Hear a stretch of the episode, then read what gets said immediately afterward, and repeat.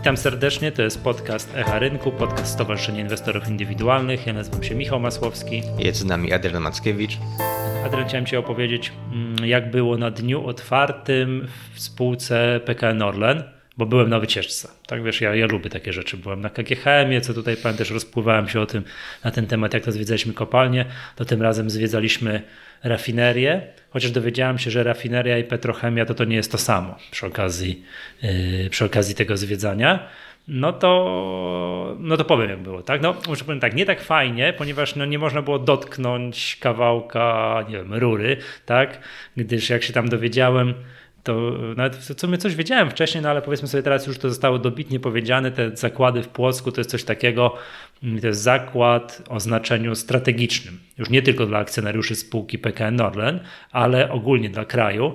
No tam był taki przykład podany, że wyobraźmy sobie, że mamy jakiegoś tam, nie wiem, że dostałby się tam jakiś, nie wiem, zamachowiec i unieruchomiłby cały zakład, no, no powiedzmy sobie, no nie wiem, na tydzień albo na miesiąc. Tak, no to to strata wówczas, jakieś tam straty na kursie akcjonariuszy PKN Orlen byłyby, byłyby wówczas no, najmniejszym problemem. Tak, no wyobraźmy sobie, że po 3-4 dniach zaczyna brakować paliwa na stacjach benzynowych w całej Polsce, prawda? To też no, można sobie wyobrazić, jakie to byłyby skutki dla całej gospodarki. No a pamiętajmy, że tutaj właściwie z punktu widzenia klienta detalicznego żyłby problem, tak? Bo byśmy nie mieli co dać do, do baków samochodów, ale cały transport i, i, tak dalej, no to przecież w sklepach byłyby pustki. Tak, to, że my byśmy się przeszli do pracy na piechotę, no to jeszcze to można... To jest najmniejszy problem. To jest najmniejszy problem, tak jest, ale to zaraz sekundkę zaczęłoby brakować wszystkiego w sklepach i tak dalej, i tak dalej, a, a import zagra paliw z zagranicy no nie jest w stanie, mam wrażenie, na taką skalę obsłużyć yy, całego kraju. No na pewno nie z dnia na dzień, jak, jakby tutaj zabrakło tak. yy, naszego dostawcy. Tak, to też, no to zwiedzanie było takie, że można powiedzieć tak bardzo obrazowo, nie można było dotknąć tego zakładu. Tak? Zwiedzaliśmy całą y, tą rafinerię i petrochemię, y, zwiedzaliśmy z autobusu. No skala robi gigantyczne wrażenie. Tak? No, oczywiste jest to, że jak ktoś nie jest, no nie wiem, chemikiem z zawodu i nie wie, o co dokładnie chodzi w przetwarzaniu węglowodorów, co też próbowano nam wytłumaczyć podczas tam dosyć długiego wykładu, no to nie jest w stanie się tak do końca mm, dowiedzieć o co chodzi. Bardziej chodziło o takie, wiesz, dotknięcie tego zakładu, takie, jakby to powiedzieć, no zobrazowanie sobie skali, jak to wszystko działa, jak to, jak to, jak to wszystko wygląda, no to ta skala robi ogromne wrażenie, no bo to jest zakład, ma tylko 800, tylko w cudzysłowie, to się śmieje oczywiście, tak? Tylko 800 hektarów, aż 800 hektarów, a z wszystkimi przyległościami, jakimś terenem ochronnym 1200 hektarów. No to tak w dużym skrócie jest tak, że jak stoi, stoi się przed tą bramą zakładu, że stoi się, siedzi się w autobusie przed bramą zakładu, no to jest po horyzont. Prawda? To, jest, to jedzie się, jedzie tam dookoła tego wszystkiego i ciągle nowe instalacje. To, że ktoś na tym panuje, no to to, jest, to, to, to samo w sobie jest, jest, jest, jest, jest ogromne. Także no, zwiedzaliśmy, dosyć dużo ludzi było, tak? mimo tego, że ja się tego bardzo obawiałem, że to jest był poniedziałek, dzień roboczy, co tak no, nakazywało dużą ostrożność w szacowaniu frekwencji no to było 100-120 osób. W trzy autobusy zwiedzaliśmy, yy, zwiedzaliśmy cały zakład. Powiem Ci naprawdę, no fajnie, no robi wrażenie, nie? Czyli chyba mimo wszystko, tak mi się wydaje, póki co PTC Rokita jest tutaj liderem chyba jeśli chodzi o frekwencję, bo ona tam też e, dość sporo osób potrafi zebrać. Dwa lata temu byłem e, na takim dniu inwestora bodajże też mi się wydaje mi się, że nawet mogło być ponad 100.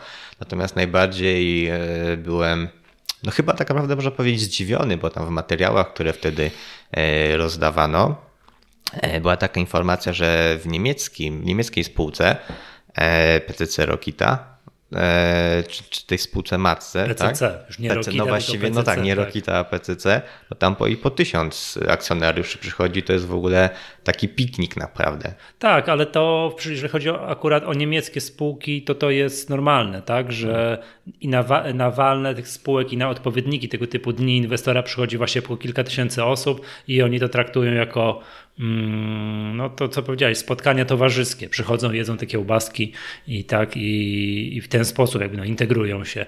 No to jest taka troszkę inna kultura inwestowania. No w Polsce nie ma na to jakby czasu i miejsca. Po pierwsze nie ma takiej społeczności inwestorów. Ci inwestorzy są w innym wieku, są dużo młodsi, no nie mają czasu na takie wycieczki, więc każde takie, każda taka e, impreza, która gromadzi te powiedzmy sobie 100 osób jest już jakby ważna do odnotowania. To, to wspomnieliśmy o Orlenie ponad 100 osób. Ja nie wiedziałem, że tej Rokicie było ponad 100 osób, ale chyba faktycznie. Widziałem jakieś zdjęcia, relacje, faktycznie mogło tyle być. To jak sobie rozmawiamy o tego typu wydarzeniach, to chciałbym tutaj zareklamować, będzie walne spółki mm, GK Immobile, które dosyć tak aktywnie podchodzi też do, do relacji z inwestorami i wiadomo, co się dzieje na walnym. No przegłosowuje się jakieś tam sprawozdania roczne i tak dalej, no samo w sobie to może niezbyt ciekawe, ale tym, w tym roku będzie i debata gospodarcza taka o przyszłości giełdy i w ogóle po co nam jest rynek kapitałowy, a także będzie występ, uwaga, Jerzego Kryszaka. Jako tak gwiazdy Polsce, śmieje się znowu, gwiazdy polskiego rynku kapitałowego, więc spółka się stara, robi no to fajne jest już, e, e, że robi wydarzenie z Walnego po to, żeby przyciągnąć tam jak największą liczbę osób. Pamiętam z wcześniejszych lat, ja nigdy nie byłem, ale o tym walnym GKI Mobile jest o tyle głośno, że oni sobie zdjęcie wspólne robią, tak, że zarząd się cieszy, że o, proszę bardzo, tutaj nie wiem, kilkadziesiąt osób przyjechało na walne spółki. Super, to, to więcej takich rzeczy, a na, na, jakby na warunki niemieckie, że przyjeżdża tysiąc osób i jest tego piknik na jakimś stadionie, na, stadionie robiony, no to jeszcze musimy, jeszcze musimy chwilę, chwilę poczekać, tak? To jeszcze chciałem wrócić do tego Orlenu, bo to faktycznie, bo a, niezła frekwencja, b, zakład robi wrażenie, no niestety nie dało się, tak jak mówię, dotknąć, wejść do żadnej sterowni. No, no do, dużo ludzi, no podobno to organizacja tego właśnie ze względów bezpieczeństwa jest niezwykle utrudniona. No i co? No i a oprócz tego jeszcze jakieś yy, kilka prezentacji takich dla inwestorów. Klasyczna prezentacja inwestorska, tam szefa relacji inwestorskich. Ok, to jest jedna rzecz. Na przykład w tym, tak nie wiem, czy widziałeś, taka liczba dnia poszła. Oni wypowiedzieli na głos i wszystkie media podchwyciły. Także Orlen sprzedaje półtora hot doga na sekundę, tak, w przeciągu Mm, w Polsce. Tak? Co jak później wyliczyliśmy, to per jedna stacja to znowu nie jest jakoś tak szokująco dużo, no bo oni jednak tych stacji mają tysiąc kilkaset, to wychodzi jakaś taka w miarę, w miarę sensowna liczba, ale z kolei odliczając odliczając to, że w nocy, no, no trzeciej w nocy raczej mało kto te hot dogi kupuje, no to tak całkiem z sensem, chodzi tam kilka na godzinę z tego, na stację, per stacja, z tego co chyba jedna na 10 minut, czy, czy jeden hot dog na 10 minut, jest to media podchwyciły, no i cały wykład o przetwarzaniu węglowodorów. No to dla fanów chemii tak, to na pewno tutaj no, ktoś to jakiś background chemiczny ma, jest w jakiejś szkole chemicznej, to na pewno więcej z tego wyniósł, tak? No ale wiadomo, największe wrażenie robi to, czego na co dzień do, zobaczyć nie można, czyli, czyli zakład ten, zakład produkcyjny w Płocku, no to naprawdę fajne, no polecam na przyszłość, żeby móc tego typu rzeczy oglądać, móc poznać przedstawicieli spółki, pogadać z nimi, no zobaczyć jak to wszystko wygląda, bo to zupełnie inaczej się potem inwestuje, jak słyszę się nie wiem, że co to jest EBITDA LIFO przychodów Orlenu, tak, jakiś albo, nie wiem, dyferencjał Brent Ural, takie, nie, nie, takie niezrozumiałe pojęcia, które występują w różnego rodzaju prezentacjach inwestorskich Orlenu, to potem się trochę więcej wie, jak się nawet czyta takie, takie sprawozdania finansowe czy zwykłe prezentacje. No to to jest to.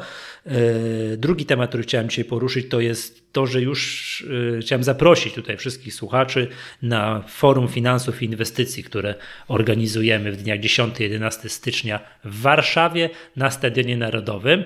Tak, no, impreza się odbędzie. Tak? To e, mamy już pierwszych wykładowców, mamy pierwsze tutaj zręby programu, wszystko jest na stronie www.foruminwestycji.pl.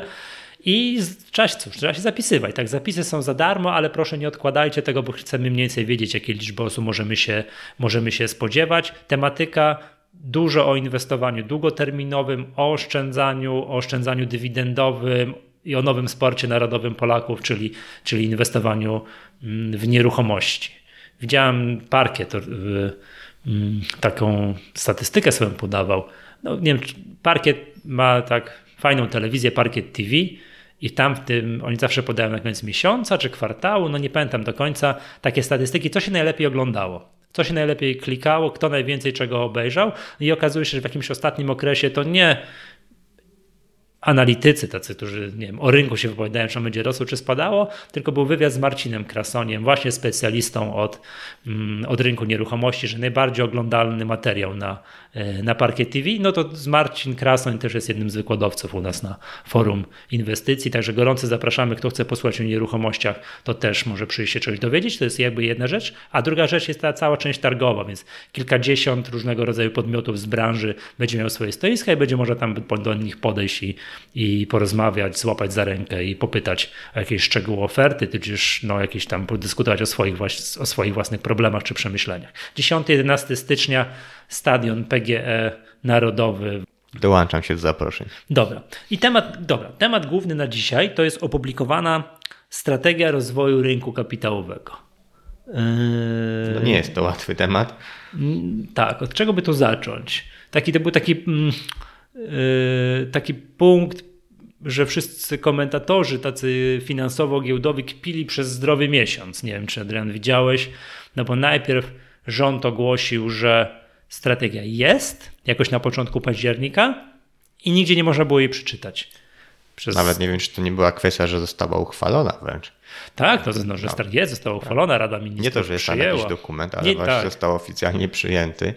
Zgadza się, ta strategia była kilka razy, był projekt, potem kolejny projekt, potem już taka wersja ostateczna, co tutaj dziwiliśmy się, że wersja ta prawie ostateczna znacznie różni się od tego projektu, bo ten projekt, który gdzieś tam funkcjonował od marca zeszłego roku, to albo może to było jakoś tak, że on był bardzo szeroki. Te zachęty różnego rodzaju dla inwestorów były bardzo szerokie, bardzo fajne, a tym, co ogłoszono, mm, w tym, co ogłoszono jako ostatecznie, no tych zachęt takich dla inwestorów jest zdecydowanie mniej, no ale trudno, tak? Jest to, co jest. No i zaraz powiemy, co, co mniej więcej się, co mniej więcej się kryje. Dokument jest no dosyć długi, tak? kilkadziesiąt stron. W końcu został opublikowany po tym prawie miesiącu od opublikowania. Tam śmiano się, że literówki szlifowano, aczkolwiek tam znalazłbym jeszcze parę kwiatków, już tak, już nie znęcając się nad, nad tym, ale jest jeszcze parę, parę uchybień, no ale dobra, poprawiono co poprawiono.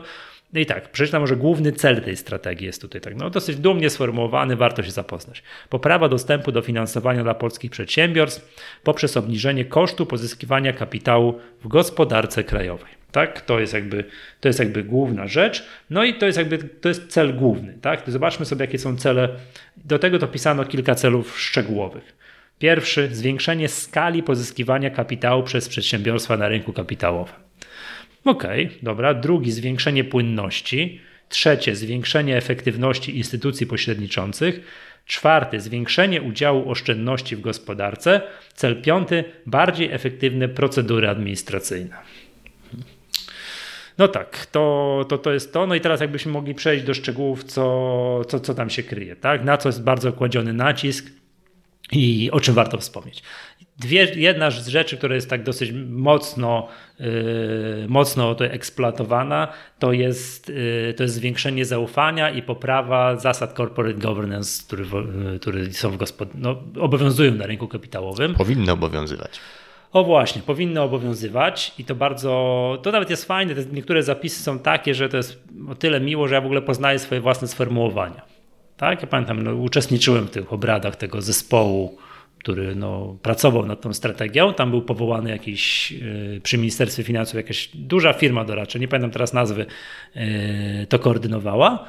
No to ja tak pamiętam, że raz wstałem na paru do y, tego typu spotkań i powiedziałem, że możemy sobie najpiękniejszą możliwie strategię uchwalić, iż nie wątpię, że jako środowisko rynku kapitałowego jesteśmy w stanie to zrobić, tylko co z tego, jak potem wstanie minister Tchórzewski, przesunie kapitały z lewej kieszeni do prawej w PGE i tam co spowoduje konieczność zapłaty stu kilkudziesięciu milionów podatku i całe zaufanie no, można sobie tak w buty włożyć, tak? Więc no, problem jest właśnie taki, że zaufanie i tych zasad corporate governance nie da rady zadekretować, wprowadzić uchwałą, że od dzisiaj zachowujemy się przyzwoicie. Hmm, no to jest, to jest tutaj problem, który widzę podstawowy. No tak, bardzo trudno jest to prawnie e, zorganizować, stworzyć, natomiast chyba też nie o to chodzi w corporate governance, żeby to były jakieś z góry narzucone e, prawa, które trzeba przestrzegać i, i po prostu nie gdzieś tam odhaczać, bo jak czegoś nie zrobimy, to nie wiem, dostaniemy jakąś karę finansową czy inne upomnienie. To jest coś, co de facto spółki powinny mieć w DNA i tym się kierować e, w poszanowaniu wszystkich interesariuszy, z którymi E, współpracują. No, jeśli jest to spółka giełdowa, no to też e, akcjonariuszami. No i tak naprawdę, tak jak mówię, moim zdaniem spółka musi mieć to w swoim DNA i, i po prostu liczyć się z tym, że tak powinna działać, kiedy staje się spółką publiczną i wchodzi na rynek, bo tutaj oczywiście mówimy o ministrze Tchórzewskim, no ale to nie może dotyczyć tylko spółek Skarbu Państwa, tylko wszystkich notowanych spółek. I tak jak wspomnieliśmy już o grupie kapitałowej Immobile, Nikt im nie każe robić takich walnych e, zgromadzeń i jakichś innych spotkań. To nawet widziałem, że akurat grupa Immobile chyba nawet robiła jakieś webinary wynikowe, czyli, czyli że tam właściwie na każdy ten inwestor indywidualny też mógł wziąć w tym udział, zapoznać się z komentarzem zarządu do tego, co, co się działo w minionym kwartale czy, czy okresie. No więc tutaj na pewno myślę, można by gdzieś postawić na, jako pewien, myślę, wzór do naśladowania tego typu działania Mhm. To właśnie poszanowanie akcjonariuszy, ale, ale też nie spłycajmy tego tylko do akcjonariuszy, ogólnie do interesariuszy otoczenia.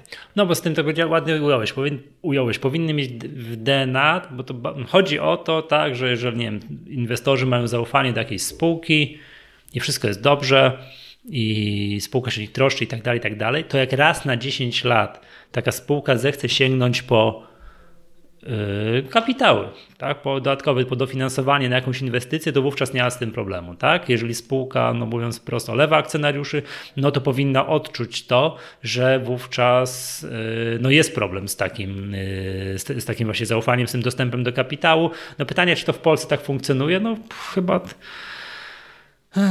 no ciężko powiedzieć, bo to akurat jest w przypadku tego przywoływanego już niejednokrotnie ministra Tchórzewskiego. Jest tak, że to jest akurat, to są zasady corporate governance, ale które są piętro wyżej, czyli po stronie właścicielskiej, tak, jak właściciele się tutaj właściciel Skarb Państwa no, obchodzi własnymi, z własnymi spółkami i jakie ma podejście do no do, do, do, do spółek. Tak? Mam wrażenie, że no minister Tchórzewski nie wie w ogóle o istnieniu rynku kapitałowego, albo nikt mu jeszcze nie powiedział, może, może w ten sposób. Tak? No, no ciężko, ciężko powiedzieć, jak to jest. Tak? No, to jest podstawowy jakby tutaj problem z tą strategią, że tego zaufania nie da rady zadekretować. Jak wpiszemy, że od dzisiaj zachowujemy się dobrze, to to tak naprawdę nic nie, no nic nie znaczy tak naprawdę.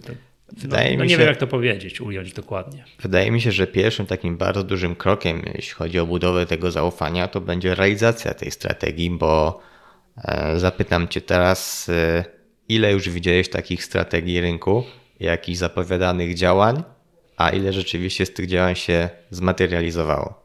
No, widziałem już przynajmniej jedną taką dużą strategię, gdzieś tam ileś tam lat temu pisaną. Do, no, ile się zrealizowało, ciężko powiedzieć. No, rynek kapitałowy, w jakim jest stan, jakie jest zainteresowanie tym rynkiem, no to dobrze wiemy. Yy, dobrze wiemy, yy, no tak, racja. Pytanie jest to, czy ona będzie napisana do szuflady, czy, czy faktycznie będzie realizowana, mm, no, no, nie wiem, tak? Ciężko powiedzieć. Więc to teraz jest taki cykl spotkań, który, który realizuje giełda wspólnie z Orlenem. Byłem teraz w Warszawie na takim, na takim spotkaniu i tam prowadzący Przemysław Barankiewicz zadał takie pytanie publiczności. Co jest najważniejsze na rynku kapitałowym? I wymienił cztery rzeczy i wszystkie cztery są ze strategii wszystkie cztery są tam zapisane. Było tak, zaufanie, edukacja, zachęty podatkowe, czwarte programy lojalnościowe dla akcjonariuszy, tak jak Orlen w portfelu. Zresztą w ogóle y, promocja tego typu programu w ogóle jest zapisana w tej strategii, to też jest ciekawe.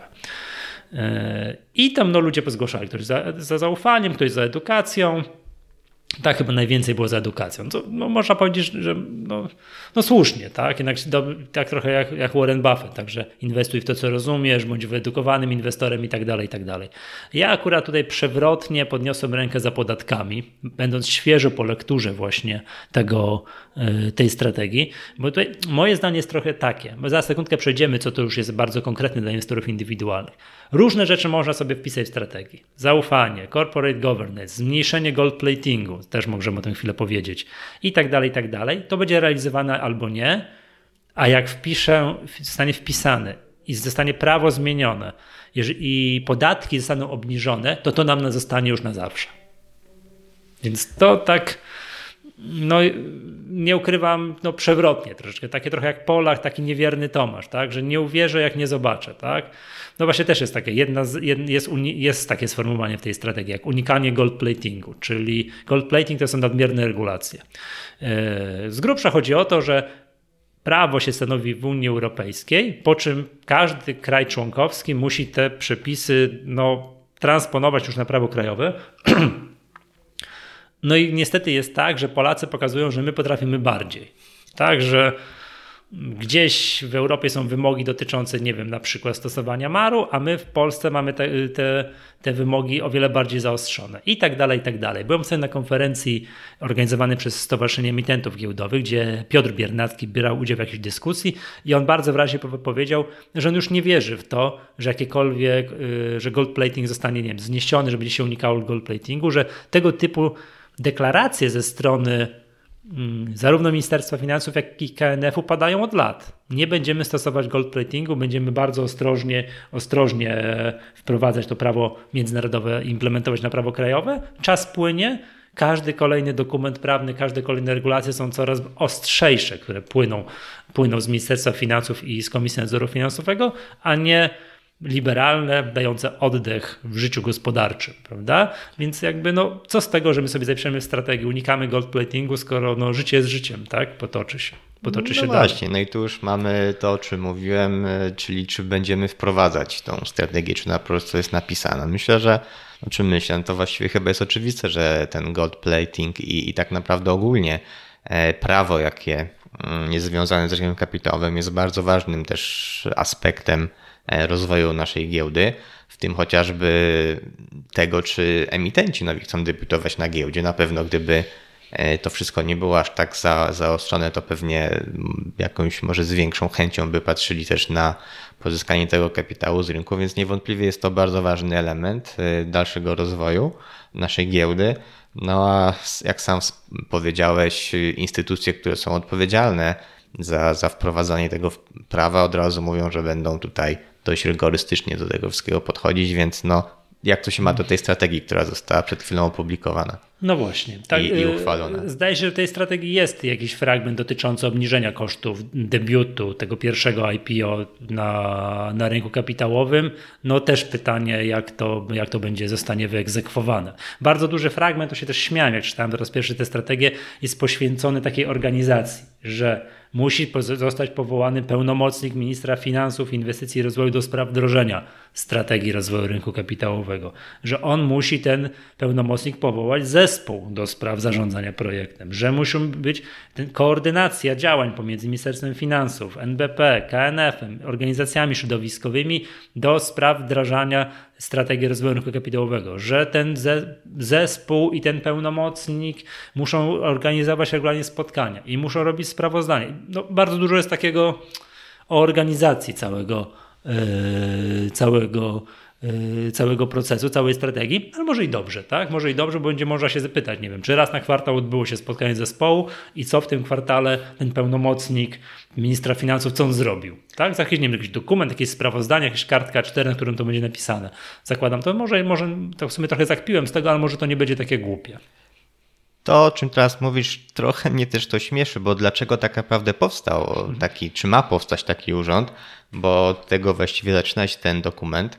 Dużo jest tej organizacji, prawda? No właśnie jest takie sformułowanie, e, że według części uczestników rynku obecnie nie ma jasności co do tego, która instytucja państwowa jest odpowiedzialna za wytyczanie głównych kierunków rozwoju polskiego rynku kapitałowego. Czyli nie wiadomo, kto ma się tym zająć e, i stąd właśnie powstał, e, ma powstać ten, ten, ten urząd, o którym właśnie mówiłeś. To, to, to mhm. tak przyznam szczerze, tro, trochę, trochę śmiesznie to brzmi. No dobrze, ale może wiesz, ja to będę zakpiłem z tego, ale jak mówiłem, to myślałem sobie, że może to nie jest takie głupie. Skoro to jest zapisane i że ma być i że on się ma powołać, to jak tego nie będzie, żeby temu raz na pół roku się obudzić dobrze, co zrobił pełnomocnik ministra finansów, inwestycji i rozwoju do spraw wdrożenia strategii i gdzie jest jakieś sprawozdanie z jakiegoś posiedzenia jakiegoś zespołu i co oni tam zrobili, może może przeczytać, co, co, co, co, co będzie, tak? tak z powstaniem no. takiego urzędu się zgadzam, że to jest dobre, żeby ktoś to koordynował i nadzorował i żeby e, właśnie nie było sytuacji, że nie wiadomo na kogo zrzucić tutaj odpowiedzialność, czy o kogo obarczyć odpowiedzialnością, no bo jak nikogo nie obarczymy, będzie gdzieś to rozmyte, tak jak w tym cytowanym sformułowaniu. Eee, tutaj przedstawiłem, że nie wiadomo, czy to być Ministerstwo Finansów, czy NBP, czy KNF, czy może jeszcze jakaś inna instytucja. No to jak na kimś będzie tutaj e, odpowiedzialność, a jednocześnie będzie to wszystko koordynował, no to, to na pewno jest to krok w dobrą stronę. Tak. Jest szereg działań przewidzianych w strategii. Jest cała masa, tak? Właśnie takie jak nadzór w zakresie regulacji, tak? Że i mm, wzmacnianie zaufania, i tak dalej, i tak dalej. I jest bardzo ważny fragment, ten konkretny. To właśnie to jakby, co ja wyciągnąłem, że to mi się najbardziej podoba i ja to mówię na tym panelu dyskusyjnym y, przewrotnie podniosłem rękę, że tak naprawdę zachęty podatkowe są ważniejsze od zaufania i edukacji, bo to jest twarde. Że albo ktoś ma zaufanie do rynku i albo ten rynek sobie jakieś instytucje wypracują, albo nie i tego nie da rady żadnym prawem nakazać. Tak, podatki jak się zmienią, jakieś tam, no to, no to, to już nam zostanie na lata. No i jest taki coś takiego w tej strategii, coś nazywa zachęty podatkowe dla, yy, dla inwestorów. No i te zachęty są są trzy, omówmy dwie. Pierwsza, najważniejsza, to było głośno w mediach, kompensacja zysków kapitałowych i strat. Yy, przypomnijmy, że w chwili obecnej jest tak, że jak ktoś inwestuje na giełdzie, to pod koniec roku dostaje ze swojego biura maklerskiego PIT 8C, który musi grzeszny przepisać do PIT-u 38, zapłaci ten podatek, no lub nie, jeżeli ma akurat stratę i cześć. Równie dobrze. Teraz tak, co się dzieje w tym samym czasie? W tym samym czasie on dostał dywidendy i od tego zapłacił podatek. Załóżmy, że nie inwestuje na rachunkach IKE lub IGZE, tylko na normalnych. Czyli tak, mógł, mógł mieć stratę na rynku z handlu na giełdzie, skupowania i sprzedawania akcji, a jak dostał dywidendy, to podatek i tak musi zapłacić. Bo tak? z góry właściwie dostaje już po podatku. Tak, już dostaje się na rachunek dywidendy netto. Tak. Mm, nie, aktualnie nie są kompensowane e, właśnie te zyski i straty z handlu na giełdzie i z inwestycji w, no, poprzez te w jednostki funduszy inwestycyjnych. Czyli można było mieć zysk na zysk na, na funduszach, stratę na akcjach, od jednego trzeba zapłacić podatek, od drugiego, od, o, mimo tego, że, że na tym w drugim fragmencie miało się stratę. Tak? To ma się zmienić. To ma się zmienić i będzie można kompensować, kompensować y, te zyski i straty jakby no z, nie wiem, z podatku belki, tak? no bo to jest ten podatek od kapitałowych zwany potocznie podatkiem belki. Zastanawiam się teraz, jak głośno myślę, bo to w sumie nie jest jasne, jasne napisane, że jak posiadamy lokaty bankowe, no nie, mamy depozyt, tak, lokata terminowa na jeden rok, i tam dostaniemy jakieś pieniądze i tam też jest podatek belki, my też dostajemy te odsetki netto, czy będzie można kompensować z tym źródłem? No podejrzewam, że nie, bo tutaj jest też taka furtka, e, wytrych użyty w tym sformułowaniu. E, no pojawia się pytanie, czy że być może powinno się rozliczać te straty tylko w, gra, w ramach jednej grupy inwestycji pod względem ryzyka, czyli że będzie no. jakiś podział instrumentów na bardziej ryzykowne, średnio ryzykowne, mniej ryzykowne. To wiadomo, że lokata będzie zdecydowanie tym najmniej ryzykownym, no a tak jak mówię, w tym punkcie jest taka furtka, E, żeby ta kompensacja miała być według e, jednej grupy, no i gdzieś tam ustawodawca określi e, te grupy, te grupy co, mhm. co tam w nie wchodzi, więc A. na pewno nie zobaczymy akcji i, i lokat w jednym miejscu. W jednym worku. Także tutaj sobie tego nie skompensujemy. Nie wiem, czy to technicznie byłoby możliwe, bo to musiałoby być tak, że bank pod koniec roku wystawia nam jakiś dokument, jakiś swój PIT-8C, w którym by było, że nie wiem, że łącznie zapłaciłem, dostałem tyle odsetek, zapłaciłem, nie wiem, 72 zł podatku, no i mogę coś z tym zrobić, tak? Mogę sobie to skompensować na przykład z jakąś stratą na giełdzie. Na przykład. Więc chyba to technicznie było, byłoby to po stronie podatnika. Banki musiałyby wystawiać jakieś dokumenty, więc ale jest chyba tak, jak mówisz. Ja ten zapis, o którym ty powiedziałeś, że że różne muszą. grupy ryzyka. Tak, różne grupy ryzyka. Rozumiałem do tej pory tak, jak wszyscy rozumieli, czyli że nie będzie można kompensować tego podatku giełdowego na przykład z inwestycjami na rynku Forex. Na wszystkich rynkach OTC, co swego czasu było bardzo głośno, wszyscy pisali różnego pisma do ministerstwa, my też się pod to podłączyliśmy, bo to jest w sumie trochę bez sensu, tak? Dlaczego? Bo to jest tak, że trochę taka argumentacja, że ach ci spekulanci giełdowi, którzy nie giełdowi, spekulanci, którzy gdzieś na jakimś foreksie, jakieś rekiny giełdowe gdzieś handlują, o nie, to to jest niedobre, to, tym, to, to oni mają nie, nie kompensować sobie zysków, zysków i strat. Z drugiej strony, dlaczego nie?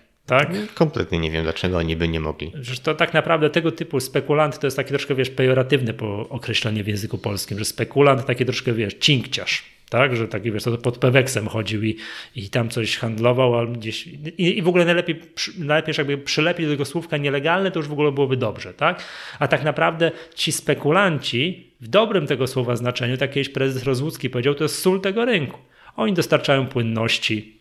Czym się różni Czym się będzie różnił inwestor, który, który rano kupi akcję CD Projektu, żeby je sprzedać po południu, od tego, co kupi jakiś ryzykowny instrument pochodny? gdzieś na jakimś Forexie, jakiś, nie wiem, jakiś tam, nie wiem, jakiś kontrakt na jakąś ropę gdzieś tam rano po to, żeby sprzedać po południu.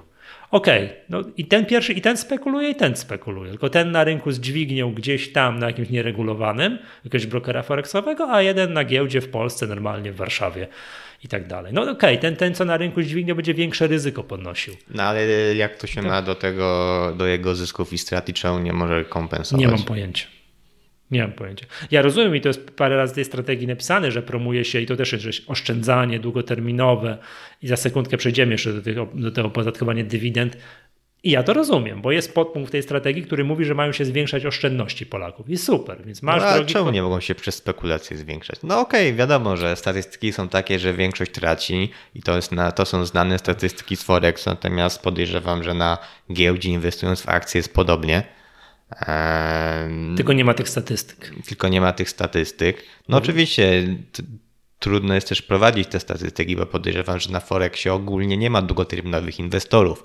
Nikt tam sobie nie kupuje waluty na 10 lat, czy nawet więcej, tak no. jak się to robi powiedzmy z akcjami. No natomiast podejrzewam, że spekulanci na giełdzie E, czy spekulanci, krótkoterminowi inwestorzy, którzy gdzieś tam w krótkim horyzoncie inwestują, a nie kupują pod dywidendę na lata, to podejrzewam, że też całkiem spora część może jednak być na, na stracie. Dokładnie. Jeszcze brakuje tego, żeby pytać, Drogi Kowalski, a po co kupiłeś te akcje? No dywidendę? Będziesz trzymał długo, czy tu zaraz, czy, chcesz, czy, czy chcesz sprzedać po południu? Bo jak po południu, to już sobie zysków i strat nie skompensujesz, tak? No, no nierozsądne, głupie. To wszyscy pisali, my też pisaliśmy, że to jest y, wtedy jakieś wnioski do Ministerstwa Finansów, że no to ten podział na, na inwestycje akcyjne, możliwość kompensacji z funduszami i tak dalej, bardzo fajnie, ale brak możliwości kompensacji z tymi ryzykownymi instrumentami nie fajnie. Ciekawy jestem jeszcze, jak zostaną potraktowane kontrakty, ale te notowane na giełdzie w Warszawie. Na WIG20, na, na akcje, tak? Te, te... No, teoretycznie powinny być bardziej ryzykowne niż akcje, no bo tam jest chociażby dźwignia, tak? Oczywiście. Więc teoretycznie można powiedzieć, że to jest jeszcze jakaś inna grupa, e, jeszcze bardziej ryzykowna i ogólnie produkty e, pochodne powinny być oddzielną grupą do kompensacji, jeśli byśmy Ale to... wiesz, to może tą metodą brać osobno kontrakty notowane na giełdzie, tak na rynku regulowanym, osobno instrumenty na rynku OTC. Tylko teraz jak zrobić z tymi kontraktami, jak ktoś, Polak będący w Polsce, chęci handlową na, na, na rynku regulowanym, ale nie polskim. A gdzieś jakieś na, na giełdzie, gdzieś w Niemczech, w Stanach. No to wtedy jeszcze zależy, gdzie jest podatek pobierany, tak? No bo jak jest pobierany w Niemczech, w Stanach, no to, no to już po prostu pobiorą ten podatek i, i co? Nikt mu tego nie zwróci, tak? No. I tak. to, to jakby już są jeszcze bardziej zawiłe kwestie rozliczania między tam różnymi krajami. To, to no, może nawet w to tak. nie wchodźmy teraz. Ale im dłużej o tym myślę, tym ten podział na te instrumenty większego, mniejszego ryzyka jest coraz bardziej bez sensu. Po prostu tego nie powinno być. A, a co na przykład z nieruchomościami? Jak ktoś kupi nieruchomość i sprzedają na stracie? To, to nie są instrumenty rynku finansowego. A no właściwie tak, czyli to nie, tu nie ma zastosowania podatek belki. Racja. Kupujesz to, to, i sprzedajesz, musisz to grzecznie wpisać w PIT, chyba że sprzedajesz powyżej iluś tam lat, bodajże pięciu, to już nie musisz. Fakt, to, to, już za bardzo nie poniosło. Tak, to, troszeczkę. Tak, jakbyś stado owiec chciał inwestycyjnie kupić, to te same przepisy będą tutaj grzecznie, tak, musisz do PIT-u normalnie albo w ramach prowadzonej działalności gospodarczej, to jest zupełnie co innego, ale instrumenty finansowe, te takie objęte podatkiem belki, moim zdaniem wszystko do kupy ładnie powinno się kompensować, no ale nie będzie się kompensować. No. Natomiast jeszcze tutaj też jest kilka, e, może nie jest to jakoś mocno zbudowane w tej strategii, ale crowdfunding to, to już... No, kupujesz akcje. Tak, więc... Crowdfundingu, czyli instrumenty finansowe, yy, tak, czyli... Tak Czyli to jest jak najbardziej ma zastosowanie, mają zastosowanie te przepisy od zysków i strat kapitałowych. No tak, no i ciekawe, czy tu jakaś kompensata by się udała. No chyba tak, powinno być, tylko że kupujesz to tak poza biurem maklerskim. I trudno potem też sprzedać. Po, tak. przynajmniej dopóki nie jest notowane, chociażby na New Connect czy na innej giełdzie. Jak sprzedasz, to musisz już, tak jak yy, nikt ci żadnego PIT-u 8C nie wystawi, bo to nie jest w żadnym biurze maklerskim, na żadnej giełdzie to nie jest notowane to musisz samemu się przyznać, za ile kupiłeś, za ile sprzedałeś. O matko, to skomplikowana sprawa. Jestem ciekaw, czy ci inwestorzy, znaczy inwestorzy, czy, czy ci kibice Wisły Kraków, co kupili sobie akcje Wisły Kraków, są świadomi tych zawiłości, tych przepisów podatkowych. No oni to kupili po to, żeby mieć w ramkę na ścianę, prawda, że oto wspomogą klub Wisły Kraków, a nie żeby tym handlować, no ale tak, tak co do zasady, prawda. Wszystkie te akcje prowadzone na platformach crowdfundingowych, no to rządzą się swoimi prawami. Ciekawy jestem, jak to tutaj no ci inwestorzy biorący w tym udział, jak do tego podchodzą. Tak, no ale to jest jakby jedna sprawa, tak? Czyli ta kompensacja zysków i strat, no między choćby funduszami, inwestycje w fundusze e, w TFI i w akcje. No więc tutaj będziemy mieli jakiś, jakiś postęp, tak? No i, no i zakładam też, że w dywidendy też to będzie kompensacja. A mamy jeszcze obligacje korporacyjne, które też są ryzykowne.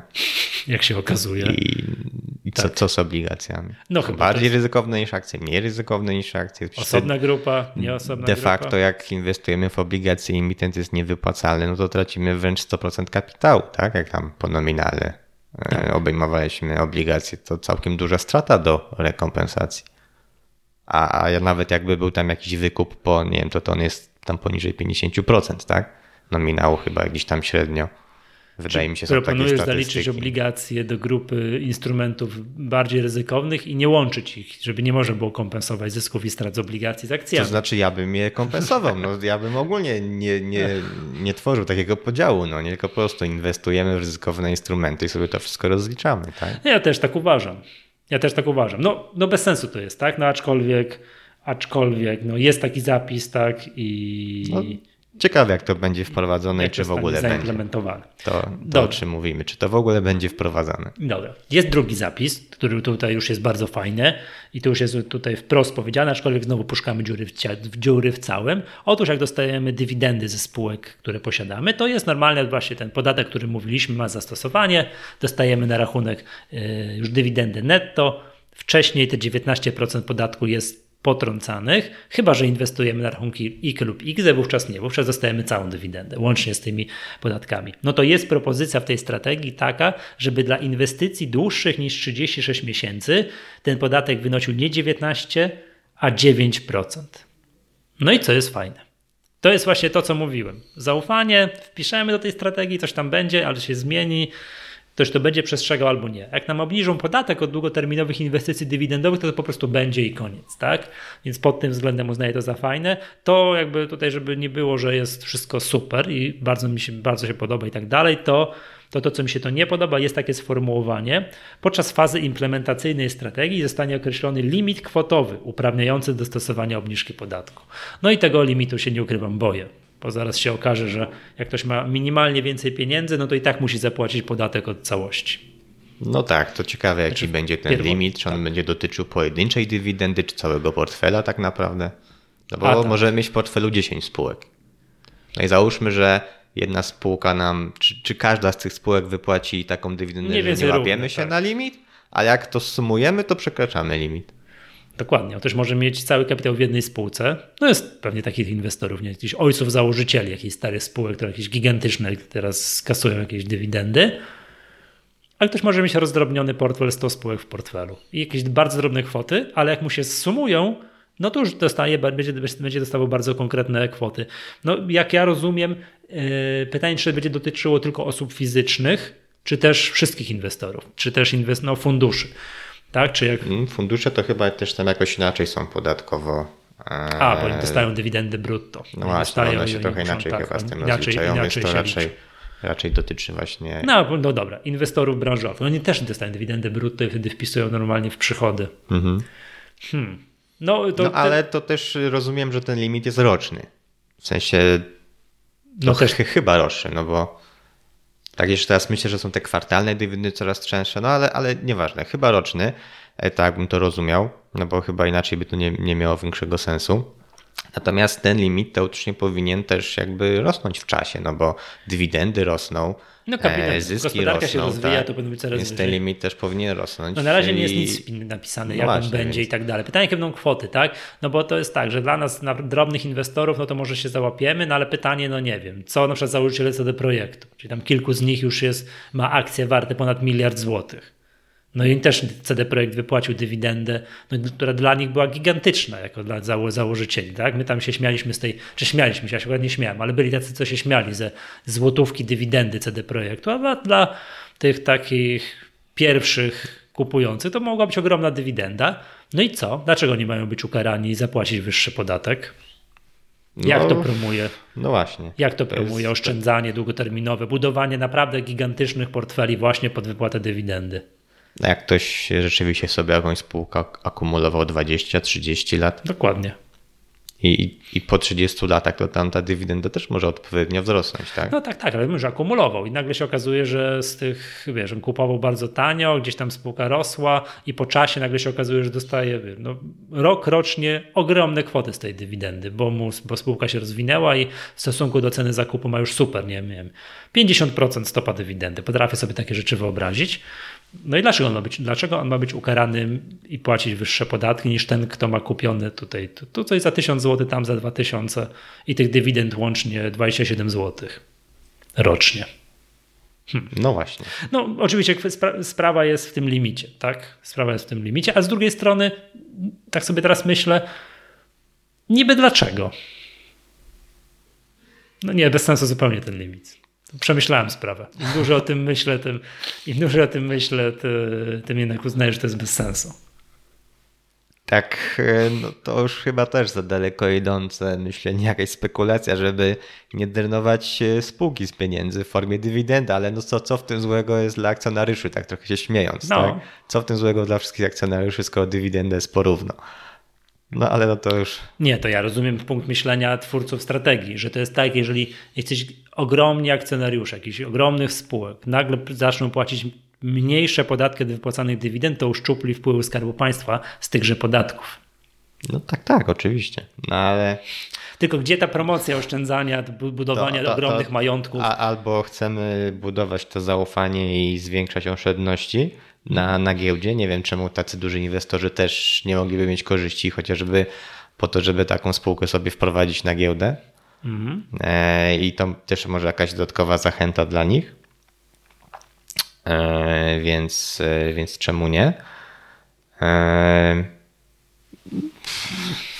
Dobra. No nie wiem, nie no wiem. Nie, nie, nie wiem. Zobaczymy, jak nie ostatecznie ben, tak, będzie to. Mam taką propozycję, napisane. drodzy słuchacze, napiszcie do nas, tak? Napiszcie do nas, co o tym sądzicie, o tych właśnie propozycjach i o tych kompensacji zysków i kapitałowych i strat yy, z instrumentami takiego rynku akcyjnego i rynku OTC, że to się jednak ma nie kompensować i o tych limitach dotyczących opodatkowania dywidendy. Tu mam taką propozycję dla kilku osób, powiedzmy dla trzech osób, którzy przyślą najfajniejsze propozycje, najfajniejszy ten głos dyskusji, to mamy trochę naszych gadżetów CEO-owych, tak? Mamy, o, mamy koszulki z konferencji Wall Street, także kto nie miał, nie załapał się na taką koszulkę, jak był u nas na konferencji, to niech napisze do nas na podcast małpa.sc.org.pl, dajcie znać, co o tym sądzicie, to to, to my te, mamy trochę tych koszulek, to, to wam rozdamy, tak? Wiecie, tutaj patrz, na, na gorąco, jak patrzyłem na to, to mi się wydawało bez sensu, a im dłużej na, to, to czytam, to to nawet tego limitu nie, nie, nie, nie znajduje uzasadnienia, tak, tak jak, jak myślę o tym. Nie? Dobra, jest jeszcze jeden podpunkt, ale to już jest drobiazg, tak? Opodatkowanie odsetek i, i, zmiana obowiązującego sposobu opodatkowania odsetek od obligacji w taki sposób, który zapewni analogiczny poziom opodatkowania, niezależnie od tego, czy się dana obligacja odbywa na rynku pierwotnym czy wtórnym. To akurat słusznie jest tam taki jeden trik, który powoduje to, że no, na rynku wtórnym bez sensu jest nabywać obligacje tuż przed momentem wypłaty odsetek. Tak? Ale to jest drobiazg, to akurat jest słuszna zmiana, więc nad, nad tym się proponuje nie rozwodźmy. Tak. No na pewno dobra zmiana. Może w jakiś sposób wpłynie to na płynność rynku, e, rynku kataliz, czyli rynku obrotu obligacjami, chociaż to no, tam płynność też raczej jest, jest dość niska. No ale Zobaczymy, Jakiś tam tak? mały kroczek w kierunku poprawy. Czemu nie? Czemu nie? Dokładnie. Dobra, to co? To, drodzy słuchacze, to byłoby wszystko na dzisiaj. Napiszcie do nas maila. Jeszcze raz przypomnę adres podcast małpa.sc.org.pl. Co sądzicie o tych dwóch, no, dwóch zachętach dla inwestorów, tak? A może ogólnie też o tej całej strategii. Tak, zachęci to ludzi do inwestowania na giełdzie, nie zachęci. Ten rynek kapitałowy dzięki temu będzie lepiej działał. Czy ta strategia będzie wdrożona, czy, czy do szuflady? Moje zdanie jest takie, twarde zapisy bardzo dobrze, reszta, te miękkie zapisy, oj, obawiam się, że mogą pójść do szuflady. To jest moje zdanie. Dajcie znać, jakie jest wasze. Ja się nawet o te twarde zapisy obawiam, ale no jestem jakby... Mam nadzieję, że może jednak. Mhm, dobrze. Okej, okay, to wszystko na dzisiaj. To był podcast Echa Rynku. Ja nazywam się Michał Masłowski. Był z nami Adrian Mackiewicz. Do usłyszenia następnym razem.